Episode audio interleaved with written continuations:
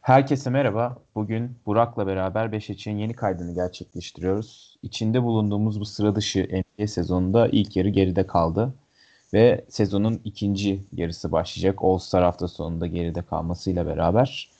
Ee, takımlar Topuk Yaylası'ndaki Antalya'daki hazırlık kamplarını tamamlayıp ikinci yarıya Burak ne diyorsun? Abi yani özellikle bu sıkışık fikstürde buraya kadar bence çok büyük bir oranda sağlıklı şekilde daha doğrusu maçları minimum şekilde iptal ederek erteleyerek gelmek büyük bir başarıydı. Bundan sonra bence her şeyin daha iyiye gitmesi daha olası ve NBA'de buna yönelik olarak bir fikstür açıkladı. Arada bazı boş günler var takımların maçlarını telafi edebilmeleri için ve görünen o ki 72 maçlık bu sezonu e, tamamlayacağız gibi görünüyor bir problem olmadan. E, herhangi bir geçen seneki duruma benzer bir durum gerçekleşecek gibi görünmüyor açıkçası.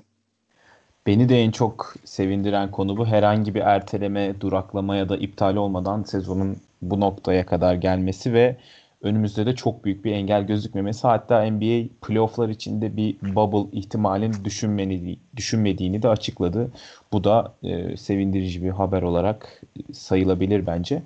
E, bugünkü programımızda ne konuşacağız? Biraz ondan bahsedelim. Bugünün içeriği e, geçmişe dönük olacak. Sezonun ilk yarısını değerlendireceğiz ve alfabetik sıraya göre giderek 30 takımın her birine sezonun ilk yarısına dair notlar vereceğiz. E, karne notu gibi. Tabii bu hani üniversitede alınan harf notları gibi olacak. A artı en iyi not. Daha sonra A, A eksi B artı B gibi giderek F'de en kötü not olarak belirledik ve her ikimiz de Burak'la takımlara notlarını verip üzerine kısaca konuşmayı planlıyoruz. Burak o zaman e, alfabetik sıraya göre ilk sırada olan Atlanta Hawks'a başlayalım. Senin Atlanta Hawks'a sezonun ilk yarısı için notun nedir? Abi benim Atlanta Hawks'a sezonun ilk yarısı için notum C eksi şeklinde olacak. Bunun sebebi de yani geçer notu C olarak kabul ediyorsak ben geçer bir performans ortaya koyduklarını düşünmüyorum. Ee, ama durumlarının ligdeki ligin dibindeki diğer takımlar kadar kötü olduğunu da düşünmeyenlerdenim.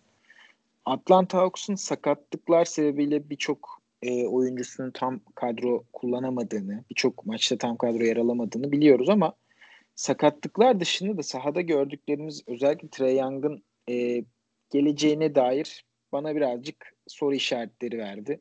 Özellikle top Young'ın elindeyken takımın hücumunda herhangi bir şekilde aksiyon görmekte zorlandığımızı zorlandıklarını düşünüyorum bu sebeple Atlanta Hawks'ın ben geçer notun altında olduğunu düşünüyorum sezonun ilk yarısı itibariyle.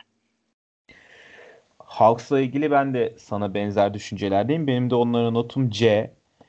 Ee, yani yazın yaptıkları hamlelerden sonra bence çok daha başarılı bir sezon ve çok daha başarılı bir takım bekleniyordu saha içinde ama zayıf Doğu Konferansı'nda %50'lik galibiyet oranının alt, altındalar ki bu da beklentileri karşılayamadıklarını gösteriyor. Ee, onların bir bahanesi şu olabilir belki. Çok fazla sakatlık yaşadılar. Yani Covid'e bağlı olmayan sakatlık yaşadılar. Yani Bogdanovic ve Galinari yazın takıma katılan iki oyuncuydu. Onlar çok uzun süreli sakatlıklar yaşadılar. Draft'tan seçtikleri Onyeka Okongwu o da çok uzun bir süre forma giyemedi. Sağlığına kavuştu. Rotasyona giremedi. Koçla ilgili sıkıntılar oldu. Zaten Lloyd Pierce'ı kovdular yaklaşık bir 10 gün önce. Ve kimyayla da ilgili sıkıntılar vardı senin söylediğin gibi. Trey Young'dan kaynaklanan Trey Young ve John Collins e, anlaşmazlığı gündeme gelmişti. Benim de onlarla ilgili notum pek yüksek değil ama yine de ben e, sezon ikinci yarısında çıkışa geçip playoff yapacaklarını düşünüyorum. Ben ama bu notta abi çok fazla bir dalgalanma göreceğimizi düşünmüyorum sezonun geri kalanında da. Yani en iyi ihtimalle böyle C artı belki çok iyi bir sezon, çok iyi bir ikinci yarı geçirirlerse B eksi olacaktır ama onun dışında çok böyle dramatik bir değişim beklemiyorum. Olumlu ve olumsuz anlamda. Açıkçası ben olumlu anlamda biraz bekliyorum. Yani ben onlara e, karşı biraz daha optimistim. Çünkü Nate McMillan'ın birazcık daha bir oyun disiplini kazandırıp e, bunları galibiyete dönüştüreceğini tahmin ediyorum ki yolları da çok açık yani doğuda playoff yarışı o kadar e, çetin geçmiyor. E, ikinci takıma geçelim. Boston Celtics'e notun ne Burak? Abi Boston Celtics'te e, sakatlıklar özellikle Covid protokolleri sebebiyle ilk bölümünde sezonun, sezonun ilk yarısının ilk bölümünde problem yaşamıştı. Ben e, geçer notu C artı şeklinde, C değil C artı şeklinde vermek gerektiğini düşünüyorum. Burada şöyle bir şerh koymak gerekiyor. E, sakatlıklardan bahsettim. Boston, Marcus Smart, Kemba Walker, Jalen Brown ve Jason Tatum dörtlüsünün beraber olarak sahaya çıkması e, çıktığı ilk maçı oynayacak büyük ihtimalle Perşembe günü. E, Marcus Smart'ın dönüşüyle birlikte. Bu da bence onların sezonun ikinci yarısında çok daha iyi bir sezon geçirmelerine büyük bir katkı sağlayacak diye düşünüyorum. E, hücum reytinginde bu sene 12.ler şu an ilk yarı itibariyle ve savunma reytinginde de 15.ler. Yani çok ortalama bir performans gösteriyorlar ama ben e, bu iki reytingde de Smart'ın dönüşü ve süperstarların birlikte oynaması ve hatta belki deadline'da bir takasla birlikte iki e, reytingde de iki istatistik, istatistikte de ilk onda kalmalarını bekliyorum açıkçası sezonun geri kalanında. Bence sen biraz düşük not vermişsin. Ya, ya da benim e, notuma göre biraz düşük. Ben baştan notumu söyleyeyim. Ben onlara ilk yarı için notum B. Yani tabii ki Boston bir hayal kırıklığı. Yani sezonun bu bölümünde bu dereceyi kimse beklemezdi muhtemelen onlardan. %50'yi çok küçük bir farkla aşan bir galibiyet yüzdesine sahipler. O yüzden hayal kırıklığı bence de. Ama e, yani onların da sakatlıklardan çok fazla çektiğini e, unutmamak gerek. Senin söylediğin dörtlünün bir arada oynayamaması ki bu dörtlü içinde bence e, kıymeti, değeri en çok anlaşılan da Marcus Smart oldu bu süre içinde. Onun oynayamadığı dönemde e, gerçekten onu çok aradılar ve e, bence bir de şöyle bir nokta var onların ikinci yarıya dair de değinmek gerekirse böyle e, şeyde bekleyen odada herkesin konuşmak için çabaladığı bir trade exception'ları var. Bunu da nasıl kullanacakları çok belirleyici olacak ya da kullanacaklar mı? Abi geçtiğimiz günlerde Love ve Bill Simmons'ın bir podcast'i vardı. Ya Love Post'ta ya da işte Bill Simmons'ın podcast'inde orada şey dediler işte Celtics bu trade exception'ı kullanmazsa e, sezon sonunda bu trade exception'ı şeye e, arenanın tabanına asabilirler dedi normal emekli ettikleri gibi bu exception emekli edebilirler dedi. O güzel bir yorumdu bence ve katıldığım bir yorum. Yani bu exception'ı kullanamazlarsa hakikaten öyle bir şey yapmalılar ki bunun değerini biraz daha iyi şekilde anlasınlar, anlasınlar önümüzdeki yıllarda. Kesinlikle öyle ve hani bugün de çıkan Lamarcus Aldridge haberleriyle beraber ben şöyle düşündüm artık. Hani en kötü bir Lamarcus Aldridge takasında kullanırlar herhalde diye düşündüm. Çünkü ee, yani 28 milyon dolarlık bir e, trade exception'dan bahsediyoruz. Onu da kullanmamaları çok ilginç olur. Deyip 3. takıma geçelim. Brooklyn Nets 3. takım. Ee, burada ben başlayayım. Sen başla abi. Evet tamam. abi sen başla. Merak ediyorum çünkü.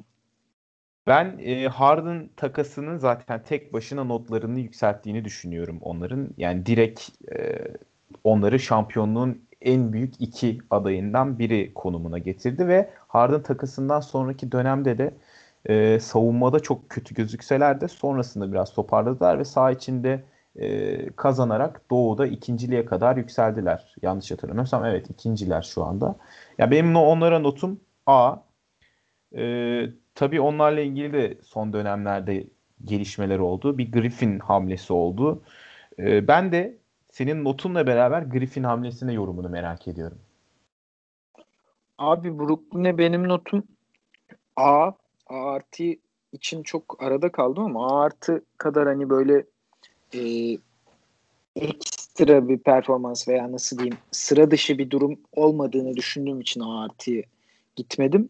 Griffin hamlesi de bence e, özellikle Harden, Kyrie'nin topu yönlendirdiği, topa sahip olduğu Black Griffin'in perdeci olduğu hücumlarda hani o 4'e 3'ü Harden'a ve Kyrie'ye tepede gelen ikili sıkıştırma sonrası 4'e 3'ü oynayabilecek çok iyi bir ekleme ama benim şurada bir problem var ya. Bu takımın Brooklyn'in özellikle hücumda çok bir derdi yoktu zaten. Tarihin en iyi hücum performanslarından birini görüyoruz. 120 offensive ratingleri var. Ve e, bu takımın hücumundan ziyade savunmasında biraz daha e, boşlukları kapatacak e, birkaç pozisyonu savunabilecek ve savunmada bir defo yaratmayacak bir oyuncuya ihtiyaçları vardı. Blake Griffin bunların tam tersi bir özellikle bence e, bir oyuncu. O sebeple birazcık e, benim açıkçası hoşuma gitmeyen bir hamle oldu ama sonuçta minimuma Blake Griffin varken de minimum kontratı e, bu zarı atmak, bunu denemek kadar da normal bir şey de olmadığını düşünüyorum bir yandan. Yani ekonomik yönden baktığında evet minimum kontratla Blake Griffin e, her takımın deneyeceği bir kumardır ama yani ben sana göre biraz daha kötümserim bu konuda. Çünkü saha içinde Blake Griffin'in herhangi bir NBA takımına verebilecek çok fazla bir şey kaldığını düşünmüyorum ben. Yani onu izlemek gerçekten acı veriyordu. Özellikle son e, ha, yani önceki halini bilenler için. E, bana biraz daha böyle saha dışı ve soyunma odası hamlesi gibi geliyor. Yani DeAndre Jordan'la olan iyi ilişkisi, DeAndre Jordan'ın da e, Durant ve Kyrie ile olan ilişkisi ve onun onların e, birazcık da isteğiyle Jordan orada bulunması dolayısıyla soyunma odasını mutlu etmek, işte yüksek profilli bir oyuncu eklemek amaçlı bir hamle olduğunu düşünüyorum. Bence saha içine çok olumlu yansımayacak.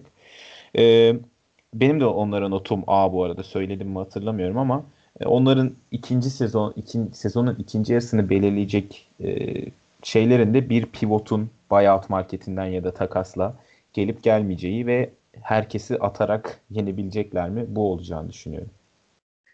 Ya onu zaten ben en çok merak ettiğim nokta bu. Özellikle playoff'a yaklaştıkları durumda, playoff'a yaklaştıkları zamanlarda yapabilecekleri küçük ayarlamaların ne olacağını çok merak ediyorum.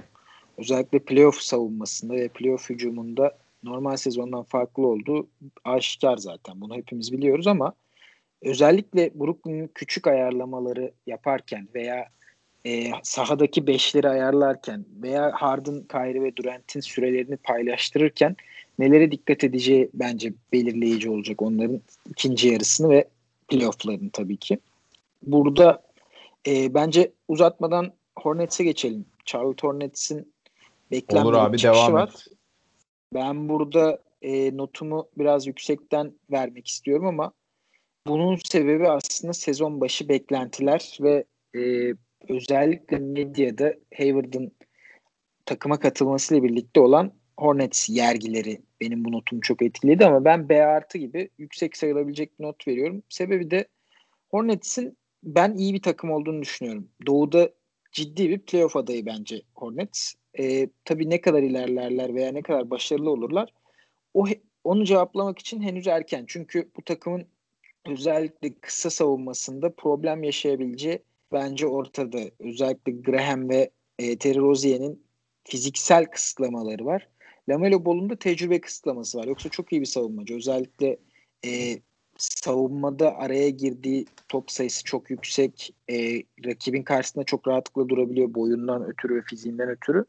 Ancak playoff ortamında bir Brooklyn gibi veya Milwaukee gibi çok iyi hücum takımlarına ve fiziksel gücü yüksek fiziksel gücü önde olan kısalara ve e, skorerlere karşı yapabileceklerini görmek birazcık bence zorlayıcı olacak onlar adına. O sebeple ben Hornets'in B artı olduğunu düşünüyorum sezon ilk yarısı itibariyle ve sezonun ikinci yarısında da bu seviyede devam ederlerse ciddi bir playoff play-in adayı olarak kapatmaları olası gibi görünüyor.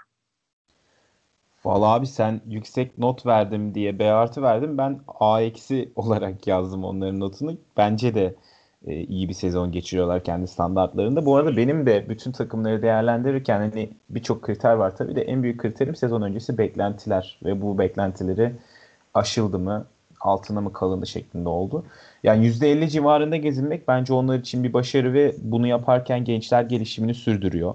Kısa beşlerle oynadıkları dönemde oynadıkları basketbol çok büyük keyif veriyor bence. Ee, ve yani doğuda onla, onların şu an altında olan takımlardan Chicago, Toronto, Indiana ve Atlanta onları geçebilir. Yani bu ihtimal yüksek ama playoff yarışında olma ihtimalleri de çok yüksek sezon boyunca. O yüzden ben de onların sezonunu başarılı buluyorum. O zaman hızlıca Chicago'ya değinelim abi. Benim çok ekleyeceğim bir şey yok ama sakatlıklar Hı-hı. sebebiyle ben C gibi hani ortalama bir not veriyorum. Onların %50 civarında olması bence normal, gayet olası. O sebeple C deyip hızlıca kapatıyorum Chicago defterini. Ben de B eksi diyorum onlara. Ee, yani çünkü biraz daha iyi olmalarını bekliyordum. Ben hani artık o sezon bu sezon mu hani gençlerin patlama yapıp çıkışa geçtikleri sezon. Yani Williams, Patrick Williams da iyi bir oyuncu bulmuş gibiler. Lavin acayip bir sezon oynuyor ama Billy Donovan beklenen o etkiyi yapmamış gibi gözüküyor coaching'de. Ee, benim de onlara notum çok iyi değil ama sezon ikinci yarısının onlar adına daha iyi geçeceğini düşünüyorum. Deyip Cleveland'a geçelim. Ee, Cleveland'a notun nedir? Abi Cleveland'a notum benim e, açıkçası D şeklinde verdim ben notumu. Çünkü geçer bir not aldıklarını söylemek çok zor. Ama sınıfta kalan bir not ya da F gibi hani yani çok acımasız bir notta ben hak ettiklerini düşünmüyorum. Zaten ellerindeki nüve, bu sezondan beklentiler hepsi bir arada düşününce zaten Cleveland'ın e, bu senede lotarya civarında olması bence çok olasıydı. Bir sezon başına 6-7 maç iyi girdiler. Acaba playoff takımı olabilirler mi? Play-in potasını zorlayabilirler mi derken şu an ligin en kötü 3-4 takımından birisi Cleveland. O sebeple ben D gibi bir not veriyorum. Bunun da sebebi özellikle saçma sapan yaptıkları e, Andre Drummond, Jared Allen birlikte oynatma deneyleri ve e, zaman zaman sahada ne yapacağını bilmeyen veya NBA'de işi olmayan birçok oyuncuya süre vermeleri bu notu hak etmelerine sebep oldu benim için. Benim Cleveland'da iki notum var abi. Biri saha içinde, biri saha dışında. E, saha içinde C artı notum. Çünkü yani senin de söylediğin gibi saha içindeki kalite epey düşük. Galibiyet yüzdesi de düşük doğal olarak. E, ama saha dışında A eksi diyorum. Çünkü Allen'ı alarak bence müthiş bir iş yaptılar ve Allen'ı alırken de çok fazla şey vermediler. Aynı zamanda Drummond'ı takaslayacaklar ya da buyout olacak bilemiyorum ama takaslama ihtimallerini daha yüksek görüyorum ve takas piyasasında da aktif olacak aktif olacakları kesin çünkü Drummond ve Love gibi e, takaslanmaya müsait demeyeyim. Yani takaslanması zor ama takaslanması beklenen iki oyuncuları var. E, ya onlar ligin en az ve en yüzdesiz üçlük atan takımı konumundalar şu anda. E, yayın gerisinden çok çok kötü bir sezon geçiriyorlar ki bu trendin dışında kalan bir durum. Ama uzun vade için ben çekirdeklerini fena görmüyorum açıkçası. Garland, Sexton, Okoro, Larry Nance, Jared Allen. Yani bu fena olmayan bir beşli. E, tabii ki bu sezon da kayıp bir sezon ama önümüzdeki sezonlarda onlar adına daha olumlu konuşabiliriz bence. Abi bence de Cleveland'da da benim en çok e, hoşuma gitmeyen, en az hoşuma giden şey çok yavaş tempoyla oynamaları. Yani Sexton Garland ikilisiyle ben biraz daha fazla tempoyla biraz daha hızlı oynamalarını bekliyordum. Bu beni birazcık açıkçası e, onlar hakkında olumsuz düşüncelere itiyor. Bakalım sezonun ikinci yarısında belki biraz daha hızlı ve e, daha etkili bir hücum performansı görürüz Cleveland'dan. Yani ben orada Alan Drummond değişikliğiyle e, o temponun artacağını düşünüyorum. Çünkü Drummond hakikaten epey yavaşlatıyordu takımı. E, Dallas'a geçelim abi. Dallas'la ilgili görüşlerin nedir? Abi Dallas'ta yine sakatlıklar Covid sebebiyle problem yaşayan bir takımlardan birisi. E, ben sezona kötü girdikten sonra All-Star arasından önce toparladıklarını düşünüyordum ve dün de bir galibiyetle Spurs'e karşı biraz daha iyi gitmeye devam ettiler. O sebeple ben B gibi hani B, B ikisi arasında bir not düşünmüştüm. Ee, Dallas beklediğimizden biraz daha kötü ama bunun sebebi bence Dallas'ın oyuncu yapısı veya coaching ile alakalı değil. Biraz daha bu sezonun ve sakatlıkların, Covid protokollerinin etkisi olduğunu düşünüyorum. Doncic kendine gelmeye başladı. Porzingis çok iyi göründü özellikle dün. Ee, ben Dallas'tan umutluyum. B diye notumu finalize edeyim. Benim de notum burada aynı. E, Dallas için B. Onlar kötü girdiler sezona epey. Sonradan toparlandılar ki senin de söylediğin gibi Covid'in en çok vurduğu takımlardan bir tanesi.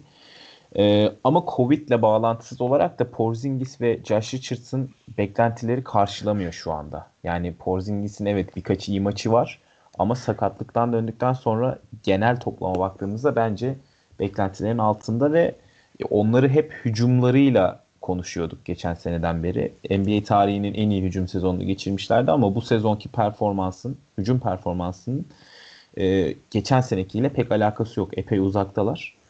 E, ama onlarda da iyiye bir gidiş var. Ve şöyle de bir durum var. Porzingis takasa açık mı? Yani bu son dönemlerde epey konuşuldu. Ee, sen buradan bir takas bekliyor musun Porzingis'le alakalı?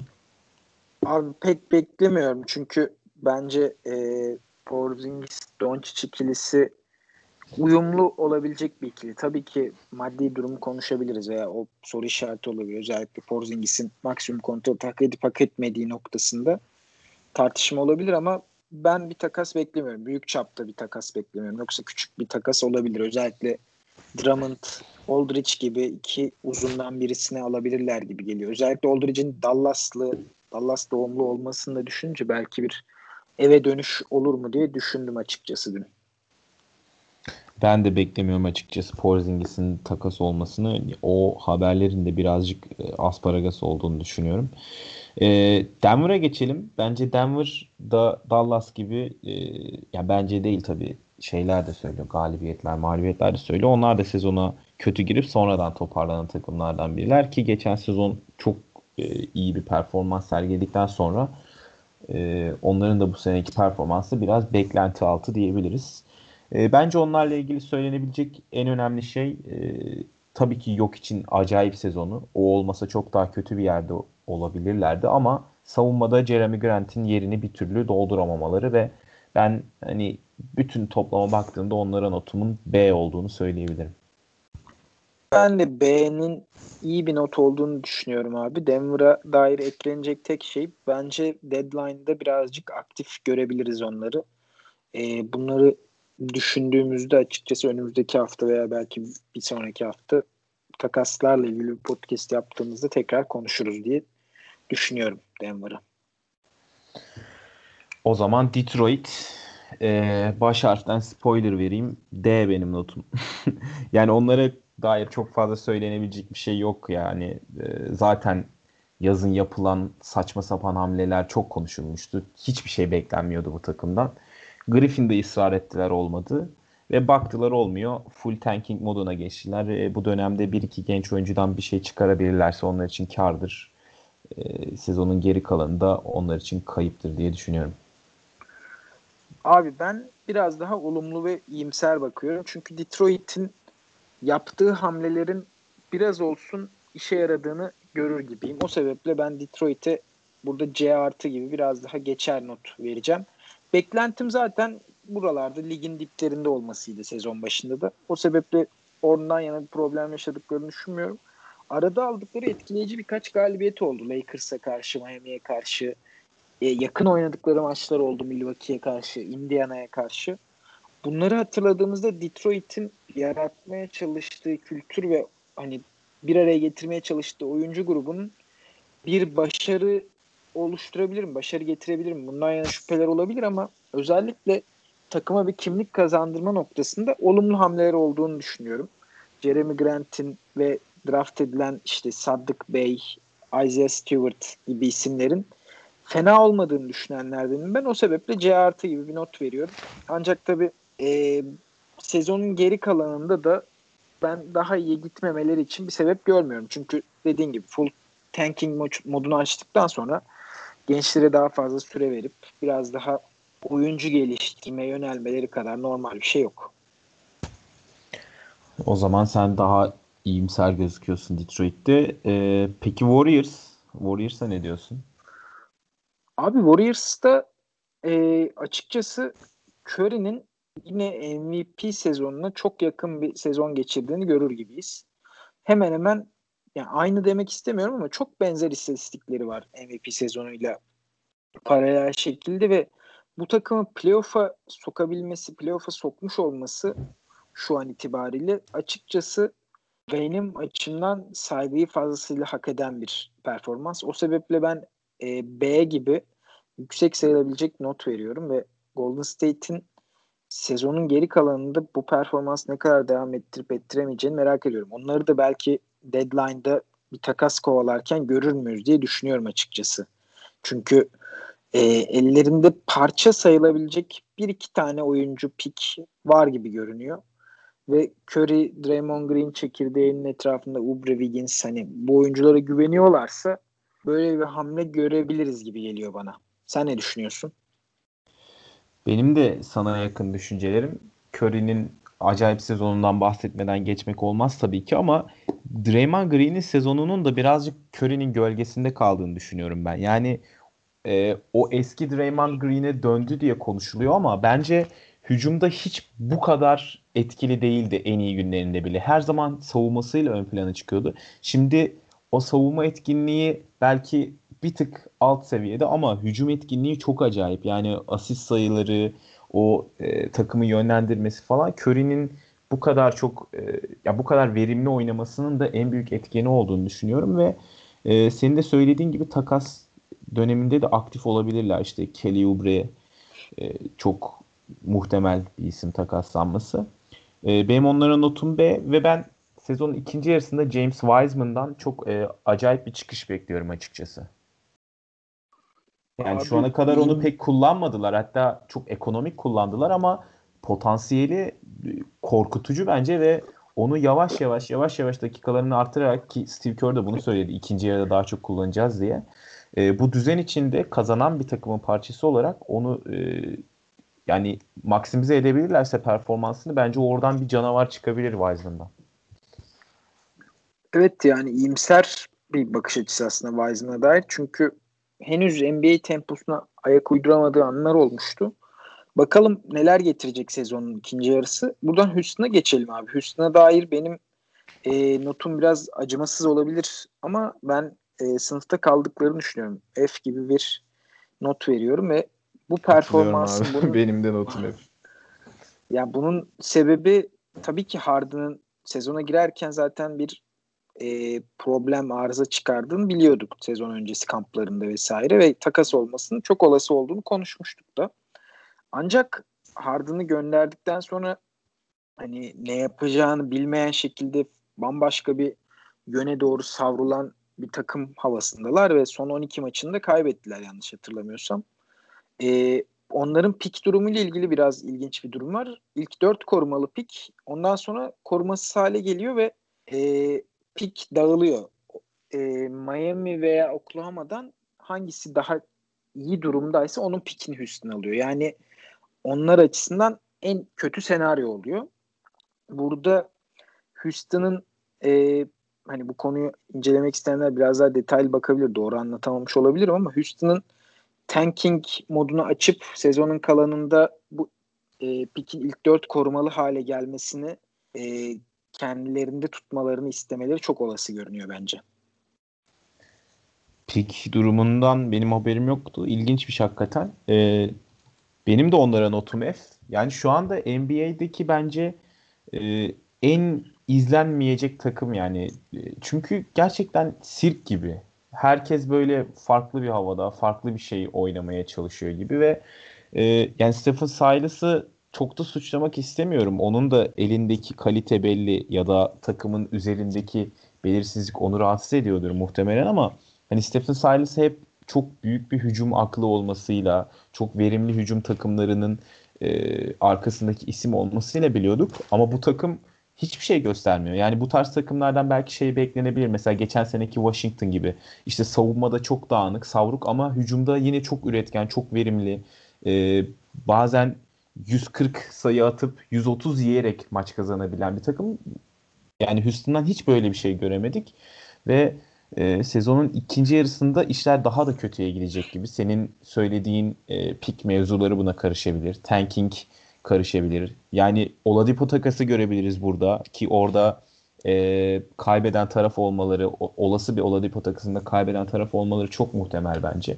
O yüzden benim de notum F ve F'ten de kötüye gidemezler ama kötüye gidecekler gibi duruyor. Ee, Abi pike dair şunu belirteyim. Biraz karışık bir durum. Ee, ben de zor çözebildim.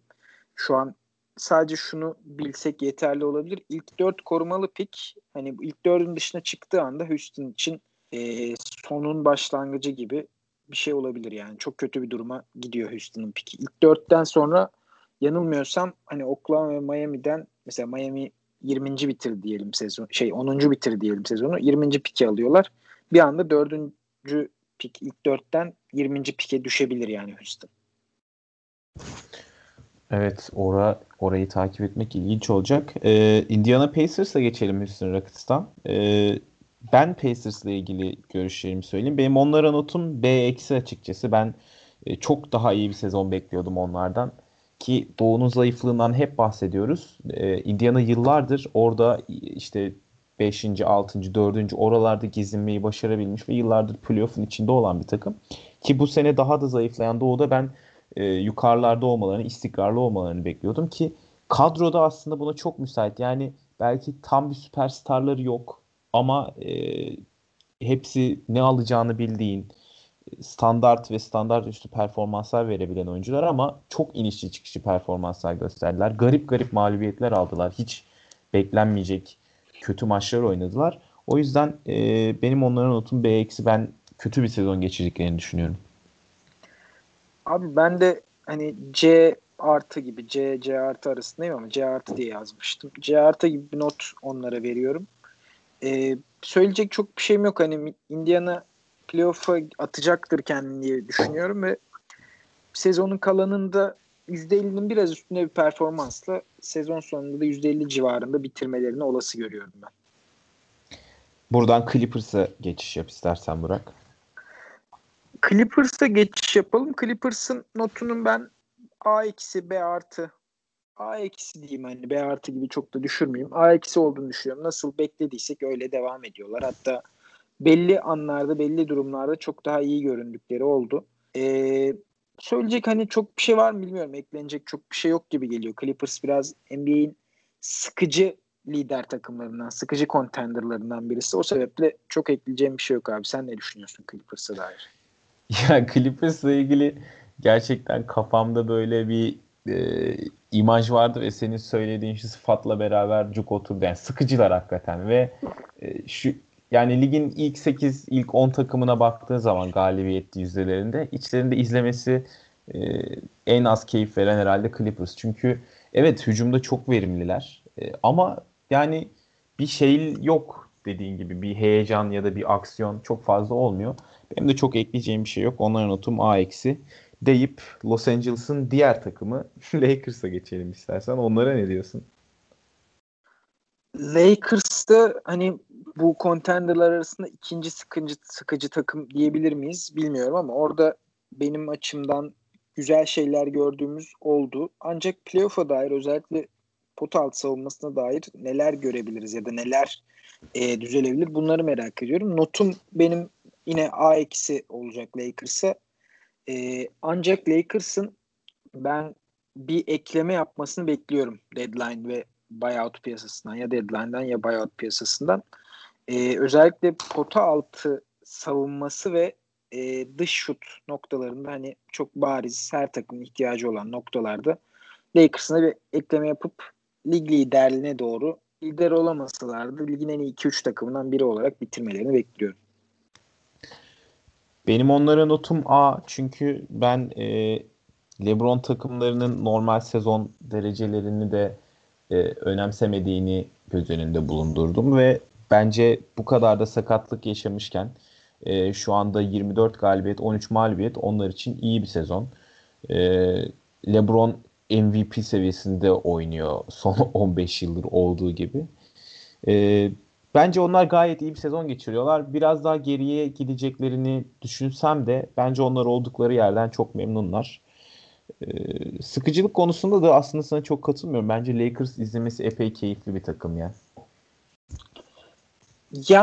e, daha keyifli contenderlar olabiliyor diye düşünüyorum. Ben Lakers'ın savunma takımı kimliğini normal sezonda da bırakmamasını çok sevmiyorum abi. O sebeple birazcık daha e, şeyim bu konuda. Seninle ayrışıyorum. Anladım. O zaman e, Memphis'e geçelim. Memphis Grizzlies hakkındaki görüşlerinle. Abi Memphis hakkındaki görüşlerim benim e, açıkçası olumlu. Ancak olumsuz bulduğum nokta bir tane nokta var. Çok kalabalık bir rotasyon ve çok kalabalık bir e, dakika dağılım var. O sebeple kimin kaç dakika alabileceğine dair her gün farklı şeyler görebiliyoruz. Sonuçlar görebiliyoruz. Not konusunda ben B artı veriyorum. Memphis'in iyi bir sezon geçirdiğini düşünenlerdenim. E, ve bu iyi sezonu sakatlıklarına rağmen Jaren Jackson Jr.'ın ve Covid protokollerine rağmen iyi şekilde devam ettiklerini görüyoruz ve açıkçası geçtiğim sezon bubble sebebiyle sekteye uğrayan playoff hayalleri bu sezon acaba olabilir mi diye düşünüyorum. Ben play'inde başka bir takımı elemelerini çok olası görmüyorum. Özellikle diğer takımların play'indeki diğer takımlarına çok e, Batı'nın gedikli takımları olacağını düşünürsek ve star starları Memphis'ten daha iyi durumda olduğunu düşünürsek pek olası görmüyorum ama yine de bu iyi sezon geçirdikleri gerçeğini değiştirmeyecek Memphis'in. O sebeple B artı diyorum. Senin görüşün ne abi? Benim onların notum A eksi. Ben de çok iyi bir sezon geçirdiklerini düşünüyorum. Bunu e, söylerken de göz önünde bulundurduğum en büyük nokta sakatlıklara rağmen bunu yapmış onların. Jaren Jackson zaten sezon başından beri yok. E, Jamorant ikinci ya da üçüncü maçta sakatlanıp çok uzun süre olmadı. Takımın en önemli ikinci, iki oyuncusu yokken e, Batı'da onları çiğ çiğ yiyebileceklerini düşünebilirdik. Ama hiç öyle olmadı ve %50 galibiyet oranının üstünde kalmayı başardılar. Ve şu konuda da ayrışıyoruz sanırım. Ben bu kalabalık rotasyon olayını birazcık seviyorum Memphis'teki. Bir Euroleague takımı gibiler. Yani e, orada çok fazla hamle ve e, ortak bir şey görüyoruz. Hmm, ortak demeyeyim de daha eşit bir görev dağılımı görüyoruz. Bu NBA'de çok sık rastlamadığımız bir şey olduğu için benim açıkçası birazcık hoşuma gidiyor. Ee, o yüzden ben onların hem iyi bir sezon geçirdiğini hem de e, izlemesi çok keyifli bir takım olduğunu düşünerek onlara A eksi veriyorum. Memphis'te tam bir kolej havası mı hakim sana göre abi? Memphis'te evet bir kolej havası hakim olabilir. Ee, Miami'ye ne diyorsun abi? Miami hakkındaki düşüncen ne? Son şamp e, son finalist. Son finalist Miami'yi bir önceki kayıtta konuşmuştuk aslında biraz ve e, ben onların epey kötü bir sezon geçirdiğini düşünüyorum. Bu hani geçen sezonun acaba absürtlüğünden mi kaynaklandı onların final oynaması falan diye tartışmıştık. Bu görüşe biraz daha yaklaştım açıkçası sezon içinde. Çünkü e, ta, tabii ki onların da e, sakatlıkları çoktu. Covid protokolleri ve diğer türlü sakatlıklar ama e, ortaya iyi bir şey koyamadılar. Yani hücum anlamında ligin en kötü takımlarındandı yanlış hatırlamıyorsam. Hemen 23.ler abi. Evet yani e, son sezonu finalisti bir takımın e, buralarda olmaması gerekir bence. Ben onlara B eksi hatta C bile verebilirim diye düşünüyorum. Abi ben C vereceğim çünkü hani geçer not evet sonuçta çok kötü değiller yani %50 civarındalar ama e, iyiye dair bir şey de görmediğim için çok standart ortalama bir not ve hak ettiklerini düşünüyorum. Çok da ekleyeceğim bir şey yok. Buradan Milwaukee'ye geçelim derim. Milwaukee'ye de ben yine düşük sayılabilecek bir hani C artı B eksi arası bir not düşünmüştüm ama B eksi diyelim. Çünkü Milwaukee'nin şu an e, doğuda bulunduğu pozisyon evet doğu üçüncüsü ama ben Milwaukee'nin biraz daha böyle domine ettiği bir e, açıkçası normal sezon bekliyordum. Özellikle Drew Holiday'in gelmesi, Antetokounmpo'nun imzalamasıyla birlikte hani rahat bir normal sezon geçirip saha avantajını alabileceklerini düşünüyordum bütün ligde. Ha belki bu Covid mevzuları sebebiyle saha avantajının çok bir değerinin kalmadığını düşünüyor olabilirler. Bu konuda bir çalışmaları var mıdır ya bunu düşünmüşler mi bunu bilmiyorum ama o sebeple B artı gibi bir not vermeyi uygun buldum Milwaukee'ye. Ben Milwaukee konusunda biraz daha iyimserim sanırım. Ben onların aslında çok da kötü bir sezon geçirdiğini düşünmüyorum ve onların tüm A eksi. Ee, bence senin ve hani genel olarak Milwaukee'ye karşı görüşünde birazcık e, kötümser olmasının sebebi ya bu takımın son 2-3 sezondur 60 galibiyetlerde gezinip hani normal sezonu vura kırı oynamasının etkisi olduğunu düşünüyorum. Ve e, bu sezon o görüntüden uzaklar ama bu bence onlara iyi gelebilir playoff'ta. Yani 60 galibiyetle girilen sezonun ardından e, bir playoff'ta beklentiler de yüksek oluyor. Belki bu sezon e, daha böyle tekleyerek gittikleri, daha az galibiyetle girdikleri bir playoff'ta onlar da çok yüksek beklentiler içine girmeyip daha rahat oynayacaklardır. Ve zaten var olan sistemleri onları belki bu sezon başarıya taşıyacaktır diye düşünüyorum ve bunu biraz daha olası görüyorum. E, onların notu benim nezdimde A eksi. Deyip Minnesota'ya geçelim. Minnesota'ya ben D veriyorum. E, F vermek istemedim açıkçası ama F'i de hak ediyor olabilirler yani. Ee, söylenecek çok fazla bir şey yok. Zaten daha önceki kayıtlarda Minnesota'yı 2-3 kez konuşmuştuk. Ee, sen ne diyorsun Minnesota ile alakalı? Abi sezon öncesinde beklentilere göre bence çok kötüler ve ligin de en kötü takımı şu an Minnesota. E, daha fazla hak edecek bir takım olmadığı için F veriyorum ben Minnesota'ya performanslarından dolayı. Ligde hem savunma reytinginde hem hücum reytinginde e, hem de net reytinginde doğal olarak son sıralardalar. Yani 29 hücum reytingi, 27 savunma reytingi ve 27 net reyting. Bunların hepsini düşününce de F'den daha iyisi bence pek doğru olmaz gibi geliyor Minnesota'ya. O zaman New Orleans Pelicans'a geçelim abi. Burada sözü sana bırakmak istiyorum çok uzatmadan. Çünkü benim bu sezon en az izlediğim takım New Orleans Pelicans olabilir. E, o yüzden hani çok e, arkasını destekleyebildiğim argümanlarım olmayacak ama hani sezon başı beklentiler ve e, galibiyet mağlubiyet yüzdesi olarak B eksi veriyorum ve sözü sana bırakıyorum burada. Abi New Orleans'ın sezonunun ilk yarısını ikiye ayırmak gerekiyor bence.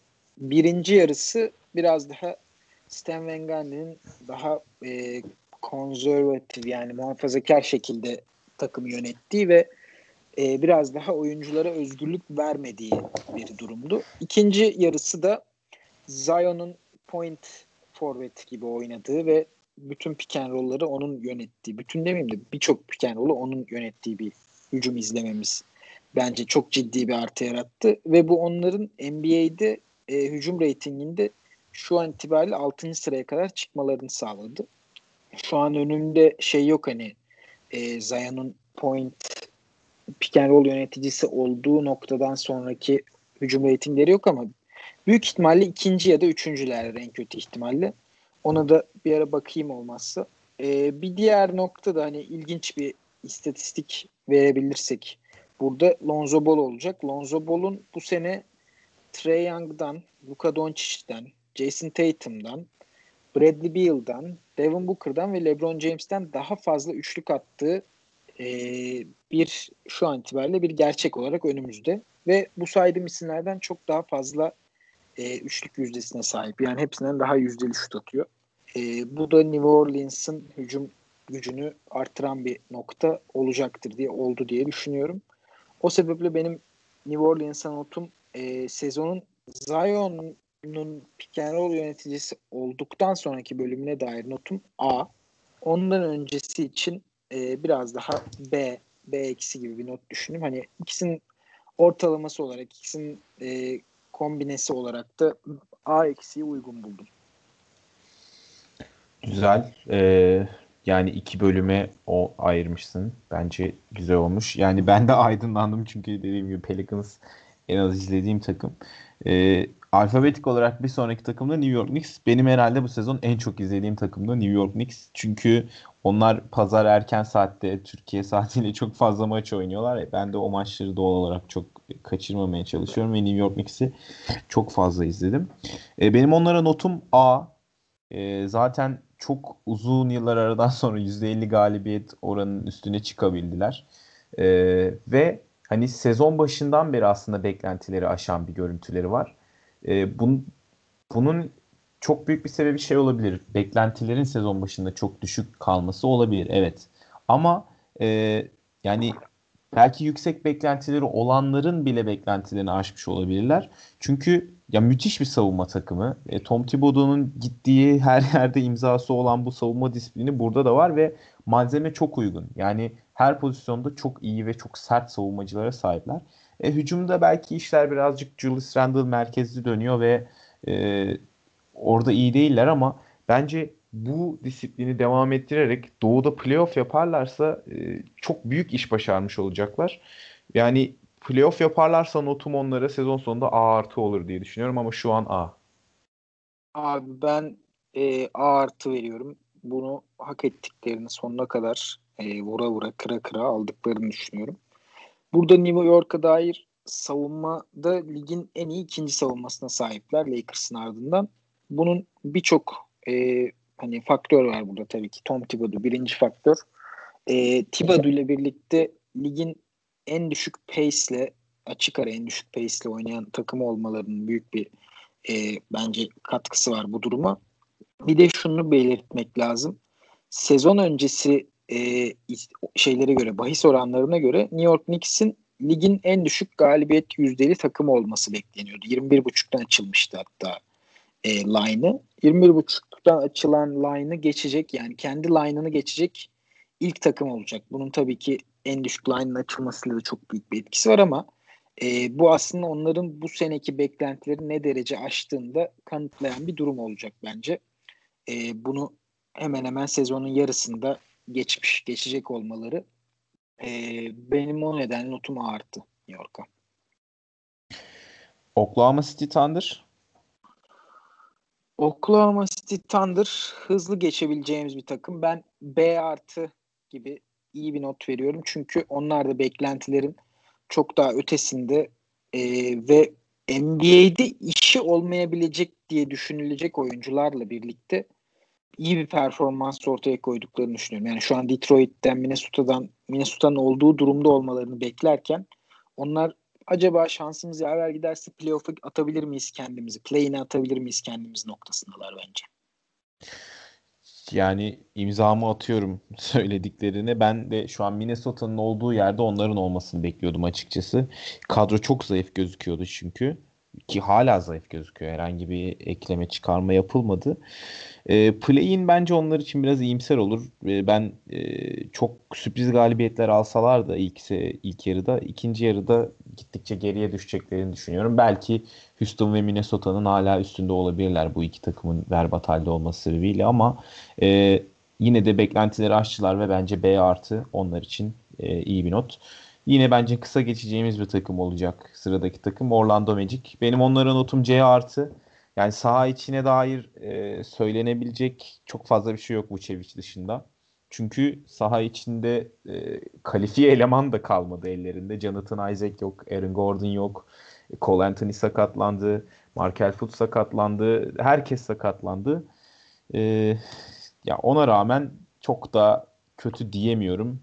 Yani tabii ki Doğu'da sondan birinciler şu anda. Bir tek Detroit onlardan kötü durumda ama bu sakatlıklar sebebiyle de berbatlar diyemem. O yüzden C artı. Ben de C artı diye düşünüyorum abi. Ekleyecek çok bir şeyim yok. Orlando sakatlıklardan çok çekti. Covid dışı sakatlıklardan. O sebeple e, hani geçmiş olsundan fazlası da gelmiyor elimden. Philadelphia Peki. hakkında ne düşünürsün? Philadelphia hakkında ne dersin? Abi benim Philadelphia notum A yani A artı vermekle A arasında kaldım ama A artıyı da e, sadece bir takıma vermiş olayım diye e, Philadelphia'ya A verdim açıkçası. E, ben onların çok iyi bir sezon geçirdiğini düşünüyorum. Yani o Simmons Embiid arasındaki dengeyi birazcık bulmuş ve hücum tarafındaki o e, sıkışıklığı, o e, üretememe şeyini çözmüş gibi gözüküyorlar. E, Seth Curry'nin sezon başı müthişti. Onu biraz yakalayabilirler. Seth Curry onu biraz yakalayabilirse sezon başındaki formunu çok daha korkutucu olacaklar ve bence e, Brooklyn'le şu anda hani tepedeler zaten ve Doğu finalinde karşılaşma olasılıkları çok yüksek. E, o yüzden benim notum A. Ben de A düşünüyorum abi. Umarım Doğu finalinde böyle bir eşleşme görürüz de Brooklyn'in e, problemli savunmasına Embiid'in nasıl hücum edeceğini, Philadelphia nasıl hücum edeceğini görme fırsatımız olur. Bu arada Ben Simmons'a da bence bir parantez açmak lazım. Yani çok konuşulmuyor belki ama bence yılın savunmacısı ödülü için çok ciddi bir aday ve ben daha fazla övgü hak ettiğini düşünüyorum işin savunma tarafında. Ee, Phoenix Suns'a geçelim istersen Burak. Abi Phoenix'e geçelim. Phoenix de benim A verdiğim takımlardan birisi. Şu an Utah'tan sonra zaten Batı'da ikinci durumdalar. Ee, benim ekleyecek hani çok bir şeyim yok açıkçası Phoenix'e. Sadece sezon öncesi beklentilerim biraz daha üstünde bir performans gördüğümüzü söyleyebiliriz. Ve e, Chris Paul, Devin Booker ikilisinin liderliğini görmek ve onların başarılı olmasını görmek beni mutlu ediyor. O sebeple e, sonuna kadar hak ettikleri A notunu verip geçiyorum. Benim de onların notuma şu anda zaten NBA ikincisiler yanılmıyorsam ve son 20 maçta 16-17 galibiyet aldılar. Onu da tam e, emin olmamakla birlikte yani 20 maç periyotta 3-7-4 maç kaybettiler. Bu zaten olağanüstü bir derece ve e, yarı final ve final için çok ciddi aday olarak kendilerini belli ediyorlar. Ben orada sadece DeAndre Ayton'un belki birazcık daha agresif olmasını hücumda e, dileyebilirim onlar adına. Çünkü e, yani sahip olduğu fiziksel kapasitenin ve o e, yeteneğin farkında değil gibi geliyor bana her izlediğimde.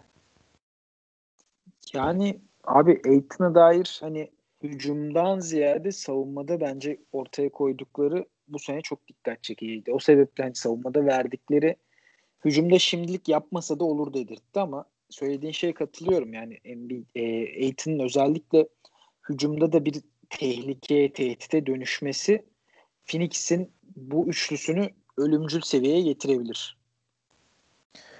Portland'la devam edelim o zaman. Ee, benim Portland'a notum çok yüksek. Ee, Philadelphia ve Suns gibi onlara da A veriyorum.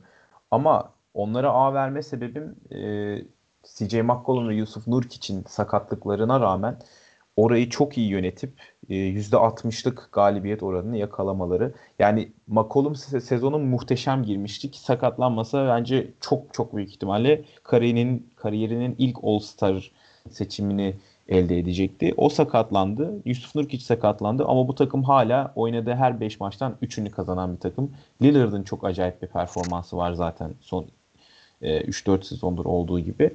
Ben çok çok iyi geçtiklerini düşünüyorum bu periyodu ve e, McCollum döndükten sonra da e, o oralarda kalıp 5, 6, 7 bandında kalıp playoff'a gireceklerini düşünüyorum. Ben de A eksi vermeyi düşündüm abi. A eksi yani A da olabilir bu tamam tabii ama e, biraz da Philadelphia ve Phoenix'i ayırmak için hani A ve A eksi şeklinde notları paylaştırdım buraya.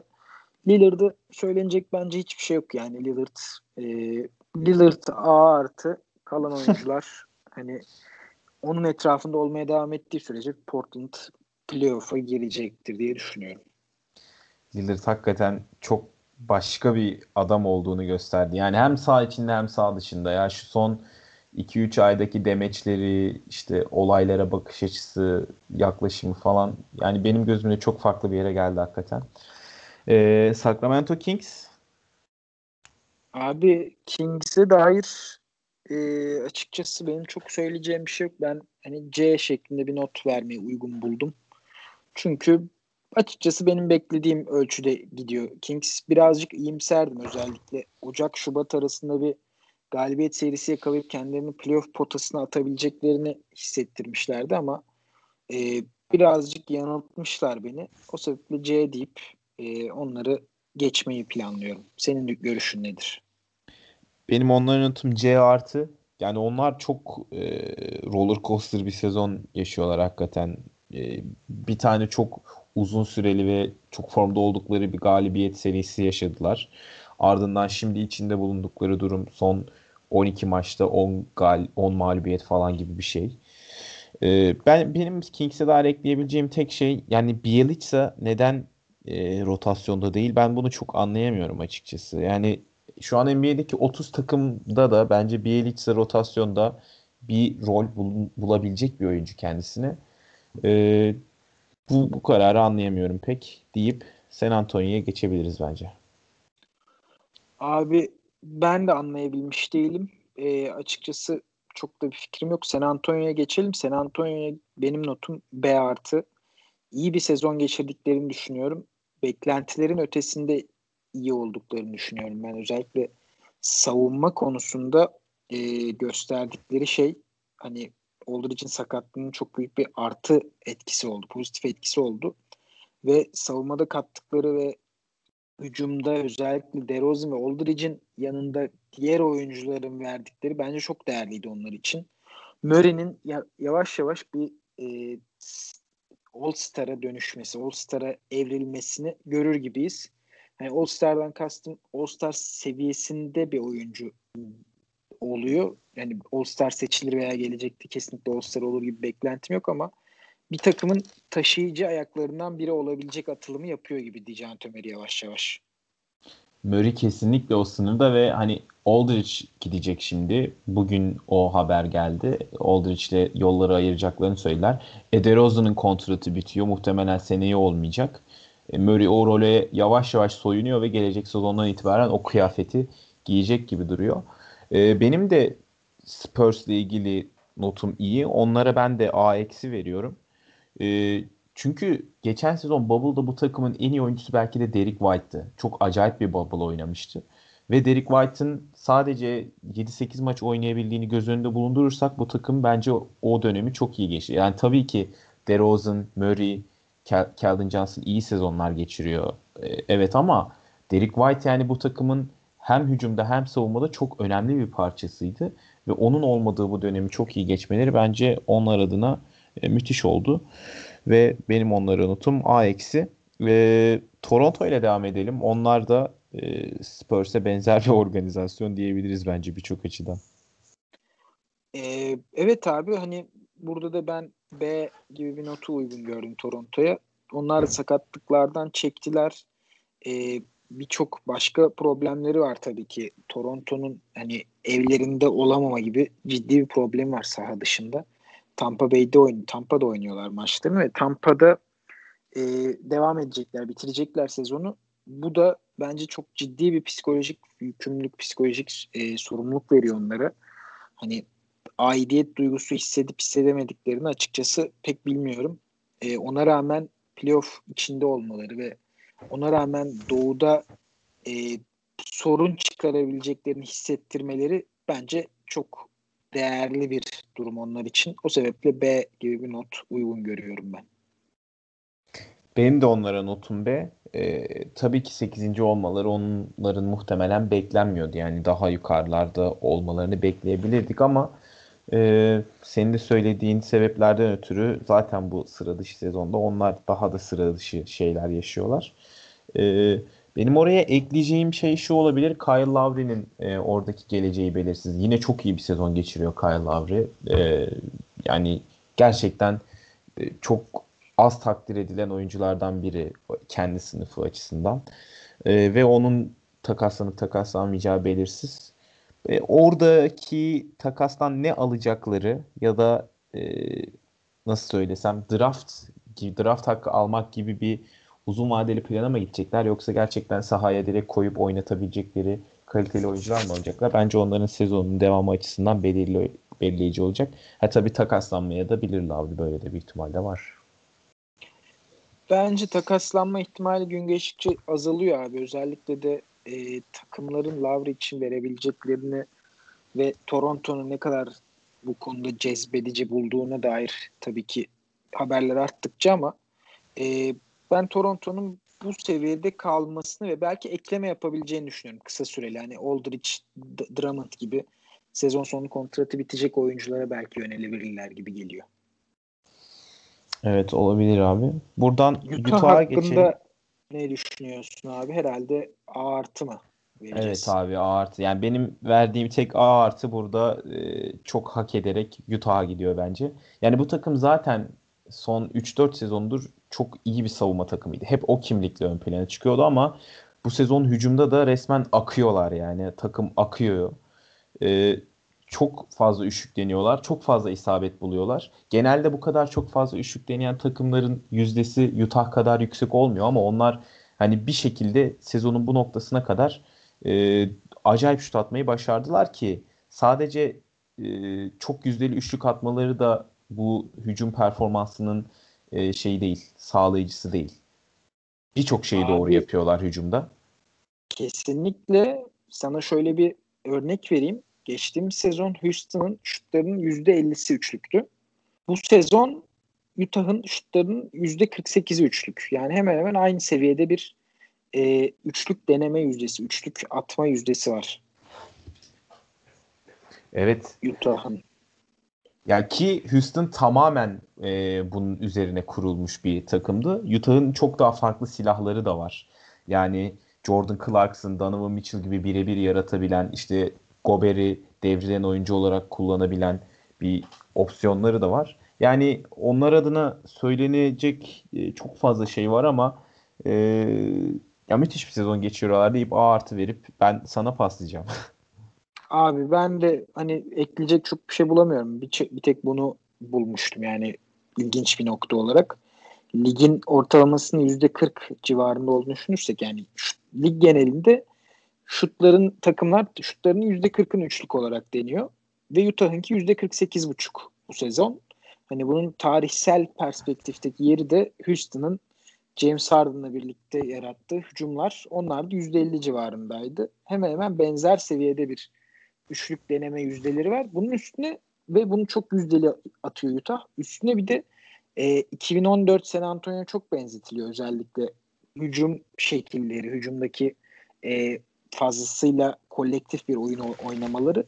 E, hepsini bir araya getirince gerçekten güzel bir basketbolu izlediğimizi düşünüyorum ben Utah adına ama Utah'a dair problemlerden Utah'a dair problemlerden en önemlisi açıkçası e, bence onların kanat savunmasında neler yapabilecekleri olacak. Özellikle LeBron, Kawhi, Paul George gibi oyuncuları nasıl savunacaklarını görmek ilginç olacak. Utah şunu ekleyebiliriz belki. Onlar da bir iki gün önce Ersan İlyasova ile anlaştılar ki bence o transferden sonra da bir cuk sesi geldi. ne diyorsun? Abi e, ben Ersan'ın çok süre alabileceğini düşünmüyorum orada ama e, bir 10 dakika alsa dahi Utah'ın özellikle hani Bogdanovic'in e, ve Royce O'Neal'ın dakikalarını biraz daha iyi ayarlamasına yardımcı olacaktır diye düşünüyorum sadece. Ya açıkçası ben mesela e, rotasyonda şu an e, Niang'ın çok e, büyük olmasa da bir rolü var. Niang'ın oynadığı rolü daha iyi oynayabileceğini düşünüyorum Ersan'ın. Yani çünkü savunmada Ersan bir zaaf değil. Ee, bunun da en büyük sebebi zaten bir hücum faul alma makinesi olması. Ee, pardon özür dilerim savunmada hücum faul alma makinesi olması. Hücumda da zaten Utah'ın en iyi yaptığı şeyi e, çok yüksek yüzdelerle şut sokmayı iyi becerebilen bir isim oluşu bence takıma çok iyi uyum sağlayabileceğini e, gösteriyor. Katılıyorum abi. Ee, Ersan umarım hani oynayabilir ama ben senin kadar umutlu değilim deyip Washington'a geçelim derim. Tamamdır. Sen devam et o zaman Washington'a. Washington Covid sebebiyle ligdeki en büyük problemi yaşayan takım belki de. Çünkü e, takımın Beal ve Westbrook dışında kalan oyuncuları açıkçası NBA seviyesinin biraz altında kalan oyuncular. Hani çok da olumsuz davranmak, olumsuz konuşmak istemem ama Beal ve Westbrook'un yanında sırıtan oyuncular diyeyim isim olarak en azından. Performans olarak zaman zaman iyi performanslar görüyorduk. Bu sebeple ben e, Washington'a dair notum B olacak. Biraz daha e, beklentilerin altı üstünden ziyade açıkçası son galibiyet serilerini son 10, 13 maçta yanılmıyorsam 8-9 galibiyet aldı Washington. Birazcık buna güveneceğim ve sezonun geri kalanında da hani o playoff'a dair umutlarını canlı tutmalarını izlemek güzel olacak bence. Bence Washington'la alakalı şu senin bahsettiğin son 12 maçlık seriyi bir ayırmak gerekiyor. Yani o son 12 maçlık periyodu çıkarırsak ki bu 12 maçlık periyodun içinde bir batı turnesi var ve buradan çok sürpriz galibiyetler çıkardılar. E, burayı çıkarırsak bence onların sezonu D hatta F'e bile gidebilir. Çünkü e, onların maçlarını da epey izledim ben ve sahada gerçekten birbirinden bir haber 5 oyuncu ya da 12 oyuncu bir koç duruyor gibiydiler ve hiçbir şey vaat etmiyorlardı. Çok kötü gözüküyorlardı. Ama son 12 maçı da katarsak ki bu periyotta dediğin gibi 8-9 galibiyet aldılar. Birazcık daha iyimser olabiliriz onlar açısından ama yine de e, sezonun geri kalanı için bence çok e, umutlu olmamak gerek Washington açısından. Ben benim onların notum C artı. Yani belki play'in potasında 10. olarak play'ine girebilirler diye düşünüyorum ama en azından bu 10'unculuğa dair adımlarını görmek bence e, etkili olacaktır, güzel olacaktır Washington. Şu anda zaten hani 10'uncular galiba. Evet. Yo şu an 12.ler. Ya, pardon 12.ler pardon. Ya üstlerindeki takımlardan herhangi birini geçme ihtimallerini ben olası görmüyorum ya. Hani orada mesela çok büyük sürpriz sürpriz yapıp aslında e, oraların takımı olmayan bir takım olsa belki derdim ama pek Abi sanmıyorum. şöyle iki maç var Chicago ile aralarında. Ee, hani Chicago'nun iki maç kaybedip Washington iki maç kazanacağı bir dönem çok olası geliyor bana yani. Çok rahatlıkla görebiliriz gibi geliyor. Oradan düşecek belki diğer takım Charlotte Hornets olabilir ama hani ben olumlu iyimser kalmaya açıkçası e, biraz daha iyi olacağını düşünüyorum iyimser kalmanın Washington'a dair. Çünkü Beal'ın e, performansı beni birazcık hani onu şey yapma diyor yani onu e, elimine etmek için erken delirtiyor. Anladım. Evet, böylelikle 30 takımı da konuşmuş olduk. Ee, istersen Burak burada yavaştan noktayı koyalım. Normalde istatistik konuşuyorduk programın son bölümünde ama bir saati de açtığımız için e, Evet yavaştan abi. bitirelim. Eline sağlık, ağzına sağlık. Teşekkür ederim. Bizi dinleyenlere de teşekkür edelim. Ben de sana teşekkür ediyorum abi. Ağzına sağlık. Bir sonraki kayıtta görüşmek üzere. Hoşçakalın. Hoşçakalın.